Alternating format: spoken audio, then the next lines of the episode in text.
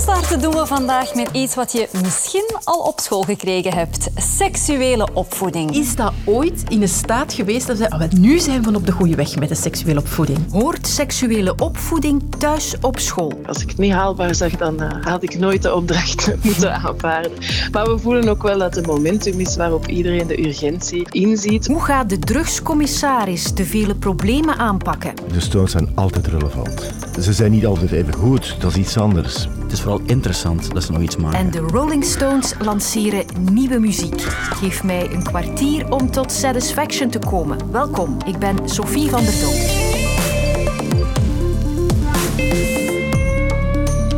In mijn tijd, ik kreeg dat van een priester-leraar. Uh. Huwelijksopvoeding heette dat. Kan er seks bestaan buiten het huwelijk? Ik dacht het niet, hè. Ik, ja.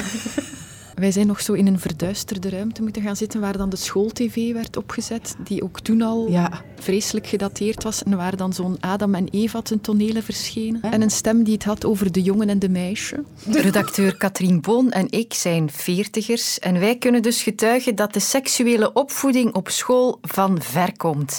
In die tijd, we spreken van de jaren 90, was er gelukkig een programma op Studio Brussel om wat taboes te doorbreken. Lieven van den Houten en Goedele Liekens. De lieve lust. La radio qui vous déshabille. Telefoneren blijkt dan te lukken, Goedele. Ja, maar eigenlijk... Uh, Lieven van den Houten, hallo. De lieve lust in der tijd, dat was een idee van jouzelf, toch? Of ja. uh, hoe is dat begonnen?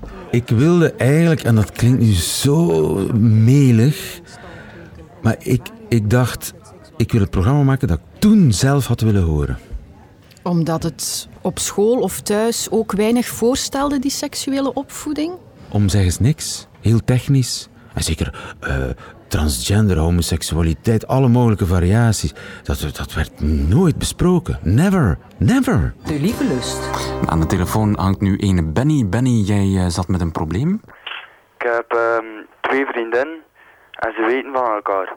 Dat is een probleem, inderdaad. Ja, maar het echte van al komt nog. Ze willen al twee samen met mij. Onze boodschap was: um, seks mag. En er is niet zoiets als normaal. Maar waar staan we nu 30 jaar later? Nu dreigt de seksuele opvoeding vanaf het derde middelbaar zelfs te verdwijnen, want de scholen krijgen daarover geen minimumdoelen meer opgelegd. Expertisecentrum Sensoa en de Centra voor Leerlingenbegeleiding maken zich daar zorgen over. We weten dat niet elke leerkracht zich comfortabel voelt om daar les over te geven. En de vraag is dan welke leerkrachten dat toch gaan doen als het niet in de minimumdoelen staat. Die leerlingen zijn op dit moment toch wel wat anders geïnformeerd dan vroeger. Hè? Dus ze halen eigenlijk hun informatie vaak via TikTok, soms al op hele jonge leeftijd. Het belangrijkste is dat we die leerlingen de juiste informatie geven, zowel over het relationele als over het seksuele. Die verminderde aandacht voor seksuele opvoeding op school leg ik voor aan een klinisch seksuoloog en relatietherapeut. Ja, dag Sophie, het is met Chloe. Chloe de Bie.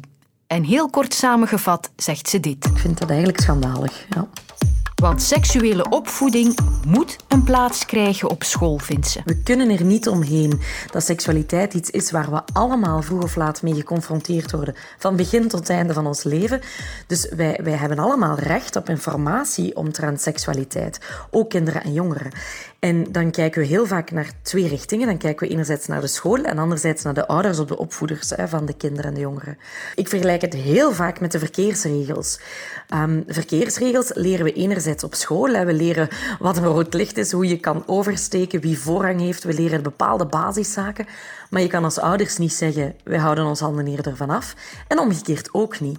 Dus ik vind het de verantwoordelijkheid van zowel um, de scholen als ook de ouders om seksualiteit en, en de voor- en de nadelen, de, de positieve en de gevaren mee te delen aan kinderen en jongeren. En als dat dan goed gebeurt, dan zijn er alleen maar voordelen. We zien als je goede voorlichting geeft dat kinderen en jongeren veel makkelijker hun grenzen aangeven, vaker veel bewuster die eerste geslachtsgemeenschap gaan, gaan ja, inzetten, de eerste keer seks gaan hebben met een veel bewustere keuze, veel adequater condooms en anticonceptie gebruiken en als er iets fout loopt, als er grensoverschrijdend gedrag is, sneller de stap durven zetten om iets te melden.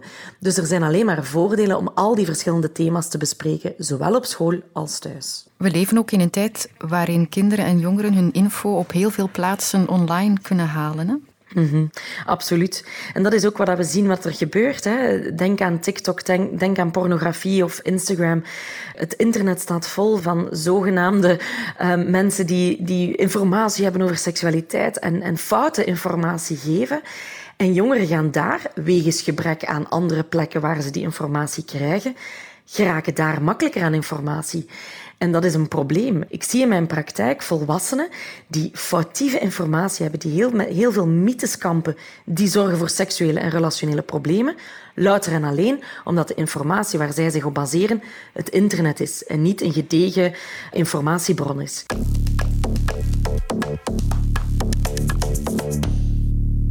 Ik neem jullie even mee naar ongeveer 100 afleveringen geleden van het kwartier. Het was midden februari. Ine van Wijmeers wordt de eerste drugscommissaris van ons land. We hebben een eerste nationale drugscommissaris. Wat staat er haar te wachten? Nationale drugscommissaris zal worden aangesteld omdat de onderwereld zich nu meer en meer richt tot de bovenwereld. Mensen bedreigt, infiltreert ook. En Ine van Wijmeers is de vrouw die de job aanvaard heeft. Meer dan een half jaar later is een van haar eerste grote opdrachten de drugsoverlast en de criminaliteit aanpakken rond het station Brussel-Zuid, waar de laatste tijd veel over te doen was. De buurt van Brussel-Zuid en verschillende andere Brusselse buurten zijn smerig en vaak onveilig. Drugs wordt openlijk verkocht en gebruikt. Er wordt gevochten. Voorbijgangers worden lastiggevallen. Honderden politieagenten controleren iedereen in en rond het Zuidstation. Een grote actie, gecoördineerd door het Nationaal Crisiscentrum, moet de veiligheid in het station vandaag garanderen. En crack is de drug die in die buurt al een tijd in opmars is. Brussel heeft een crackprobleem. Crack is cocaïne die je vermengt met ammoniak of bicarbonaat. Dat verwarm je en dan klontert dat samen tot een steentje. En wat er daarna met die steentjes gebeurt, dat kan je bijna overal zien in Brussel tegenwoordig. De voorbije weken heeft drugscommissaris Ine van Wijmeers zich over de problematiek gebogen. Een deel van de oplossing is volgens haar dat de stationsbuurt anders ingericht moet worden. Uit de analyse eh, van de informatie die we hebben, zien we dat bijvoorbeeld eh, het feit dat het station langs heel veel in- en uitgangen toegankelijk is en heel makkelijk toegankelijk is, ja, dat trekt natuurlijk mensen zonder verblijfstitel, dakloze mensen aan. Uh, anderzijds zien we ook dat de dealers heel kleine hoeveelheden drugs op zich hebben. En dat betekent dus dat ze hun drugs ook verbergen in en om het station. En als er natuurlijk ja, vele hoeken en kanten zijn, nissen waar je uh, die drugs kan verbergen, ja, dan maakt het dat natuurlijk voor politie en justitie heel moeilijk om te bewijzen dat iemand een dealer is, als die eigenlijk maar een heel kleine hoeveelheid drugs uh, op zich heeft. Politie en hulpverleners zijn natuurlijk nodig om aan de veiligheid te werken. Maar dat betekent ook mensen en middelen en dus geld. Ook op dat vlak heeft ze nieuwe ideeën. We weten dat er weinig geld is en dan moeten we naar creatieve oplossingen gaan zoeken.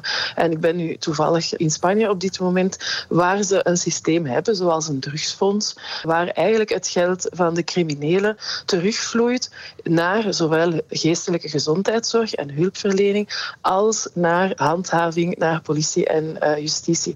En ik denk dat we moeten nadenken op welke manier dat we structureel kunnen zorgen dat zowel die en die hulpverleningspijler als die handhavingspijler voldoende gefinancierd uh, worden. En daar zijn wel mogelijkheden toe. En als drugscommissariaat gaan we die uitwerken en voorstellen. Maar de drugsproblematiek in ons land beperkt zich uiteraard niet tot Brussel-Zuid. Het lijkt erop dat het drugsgeweld in Antwerpen opnieuw oplaait. Dan naar de haven van Antwerpen, want daar is de eerste helft van dit jaar al meer dan 43 ton cocaïne in beslag genomen. Op 18 februari vorig jaar werd rond 8 uur 30 s'avonds een brandbom tegen de gevel van een woning in Deurne gegooid. De woning van een havenarbeider die werd geïntimideerd door zware criminelen uit het drugsmilieu. Nadat er de voorbije dagen al in Borgerhout en Borsbeek waren beschoten, zijn er de voorbije 24 uur twee nieuwe schietincidenten geweest. Er is dus ook op andere plekken nog veel werk. Wel, natuurlijk, hetgeen we leren uit de problematiek van het Zuidstation beperkt zich dan natuurlijk uiteraard niet tot het Zuidstation. We zien dat er ook in het Noordstation een vergelijkbare problematiek is. Ook de burgemeester van Luik, las ik, gaf aan dat het drugprobleem, het crackprobleem in zijn stad uh, toeneemt. Als het over crack gaat, zien we uit de cijfers van politie die ik heb kunnen inkijken dat de dealers, uh, dat er daar meer processen verbaal in Antwerpen zijn opgesteld dan in Brussel. Dus er is een duidelijke link met de in- en doorvoer van cocaïne en de beschikbaarheid van crack. Dus ook hier kunnen we zien dat de hele keten aan elkaar hangt. Want waar er cocaïne is, is er crack. En dan crack vooral voor die gebruikers die in een verarmde of in een verpauperde situatie zitten. En zo voert de nieuwe drugscommissaris een strijd op verschillende fronten. De seks en de drugs heb je nu gehad in het kwartier. Dan ontbreekt nog de rock and roll. Op het moment dat we deze aflevering op je loslaten, wordt er in Londen ook iets gelanceerd.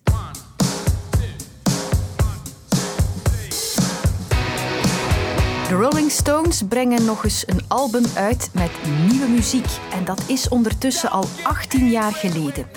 De Stones gaan al zo lang mee dat zelfs Nonkel Bob hen nog geïnterviewd heeft in 1964. Ja, we hebben echt heel hard gezocht, maar dat fragment bestaat dus niet meer. Het is niet te vinden. Maar wat betekenen ze vandaag nog? Ik kreeg twee fans en kenners van de Rolling Stones aan onze tafel. Dit is Jan Sprengers, levende legende, gitaargod. En uh, zeer belegen, denk ik, in de, de gitaarmuziek als het gaat van blues tot bluesrock. Goh, Stijn van der Voorn is, uh, die komt uit Sint-Niklaas en is een man die alles weet. een grote Oasis-fan. En daarin verschillen we van mening. En ik confronteerde hen met mijn vooroordelen over de nieuwe release. Om te beginnen, is dit serieuze nieuwe muziek of een stunt van oude mannen die je zot willen doen? Allebei. Uiteraard zijn de oude mannen en uiteraard willen die zich amuseren en daarom blijven ze ook gewoon doorgaan hè, op hun tachtigste of meer. Maar de kern vind ik, de Stones zijn altijd relevant. Het is alleen wel zo, als er iets nieuw uitkomt, is dat nog iets waar we warm van gaan worden. Gaan we dat nog spannend vinden? Als Paul McCartney een nieuw album uitbrengt, dan gaan we denken, gaan we het vergelijken met de Beatles. Maar we leven niet meer in de jaren 60. Kan dat zijn dat hij nog een goede plaat maakt? Absoluut. Maar er staan ook altijd ja, 6, 7, 8 nummers op waar we dan bij denken van dat is niet meer er zijn spannendere dingen in deze tijd. Ik denk bij de Rolling Stones dat ze waarschijnlijk artistiek, ja. Ja, artistiek niet meer op een piek kunnen zijn. Maar dat wil niet zeggen dat dat een goede plaat kan zijn waarbij ze met de juiste mensen ook samengewerkt hebben. En ja, die mannen moeten niet meer bewijzen dat ze iets kunnen. Waarom moeten we nu de vraag stellen of het nog relevant is om op de tachtigste of iets meer uh, nog muziek te maken? Die vraag werd in de jaren 60 al gesteld van ga je dit nog doen als je 25 bent of 30? Of dat nog topkwaliteit is, dat weet ik niet. Maar dat zal nooit echt slecht zijn. De, de Stones zijn in hun slechtste geval middelmatig. Bedenking nummer 2. Hebben de Stones nog nieuwe nummers nodig? We willen toch alleen maar die oude hits horen? Ik weet niet of als ze over een jaar toch nog eens naar België zouden komen en gaan spelen, of de mensen gaan zeggen, oh ik hoop dat ze van een nieuwe plaat dit en dit en dit nummer spelen. Nee, dan willen we de, de hits horen bij concerten. Alblieft? Dan willen we de hits horen. Dan willen we de hits horen, ja. ja. Maar ik ga op zijn minst, net zoals bij heel veel andere artiesten die heel lang niets meer gemaakt hebben, op zijn minst wil ik eens horen, hoe klinkt dat ook? De grote massa gaat denken, laat die nieuwe muziek maar zitten. Dat denk ik wel. Maar als je weet dat die de weide van Werchter moeiteloos vullen, gaat er wel genoeg interesse zijn. En er zit ook een, een prachtige marketingmachine achter. Er was een website waar je een fragmentje kon luisteren en die liep altijd vast. Die website heette Don't, Don't Get Angry With Me en zo heet het nummer dan ook. En dus dat is weer helemaal uitgedacht. Dus dat was met opzet dat die website vastliep natuurlijk. Het feit ook, als ze op een bepaald ogenblik hebben Rolling Stones om de nieuwe plaat aan te kondigen, hebben ze een advertentie in een, in een ja, Hackney-krant. In een plaatselijke krant, ja. In een plaatselijke krant gepost ook. En dat was dan plots op alle muziekblogs, ook de Pitchforks en de Stereo Gums, de, de hippere, die zijn ook wel nog altijd mee en benieuwd ook wel. En tenslotte, de Rolling Stones treden nog altijd live op. Is zo'n show mijn geld nog waard? Je kan er alleen maar bewondering voor hebben. Mick Jagger huppelt als een jong veulen nog altijd over het podium. Die legt 10 kilometer af. Of misschien zelfs meer, meer dan een voetballer tijdens een, een voetbalmatch. Die is afgetraind als een superatleet. Alleen maar respect. Rolling Stones zijn op dat gebied ook een uitzondering voor mij.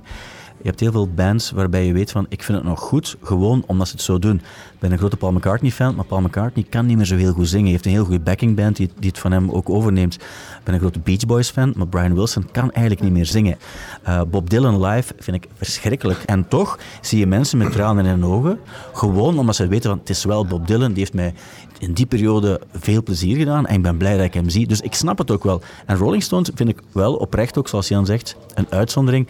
Zoals zij daar nog staan staan, hoe ze nog klinken en hoe ze het nog doen, is nog altijd wel echt, echt goede kwaliteit. Ja, en niemand speelt zo slordig gitaar als Keith Richards en toch zo efficiënt. Dat is het. Er zijn er heel veel die zo slordig spelen, omdat ze het niet kunnen, maar hij weet exact wat hij doet. Dus eigenlijk alleen maar mooie woorden. En zo deden Jan en Stijn de temperatuur nog een beetje stijgen. Het was de warmste 6 september ooit gemeten. Dit was het kwartier. Tot morgen.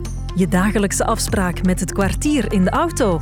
Dat kan nog handiger en veiliger. De app van VRT Nieuws is ook beschikbaar via Apple CarPlay en Android Auto.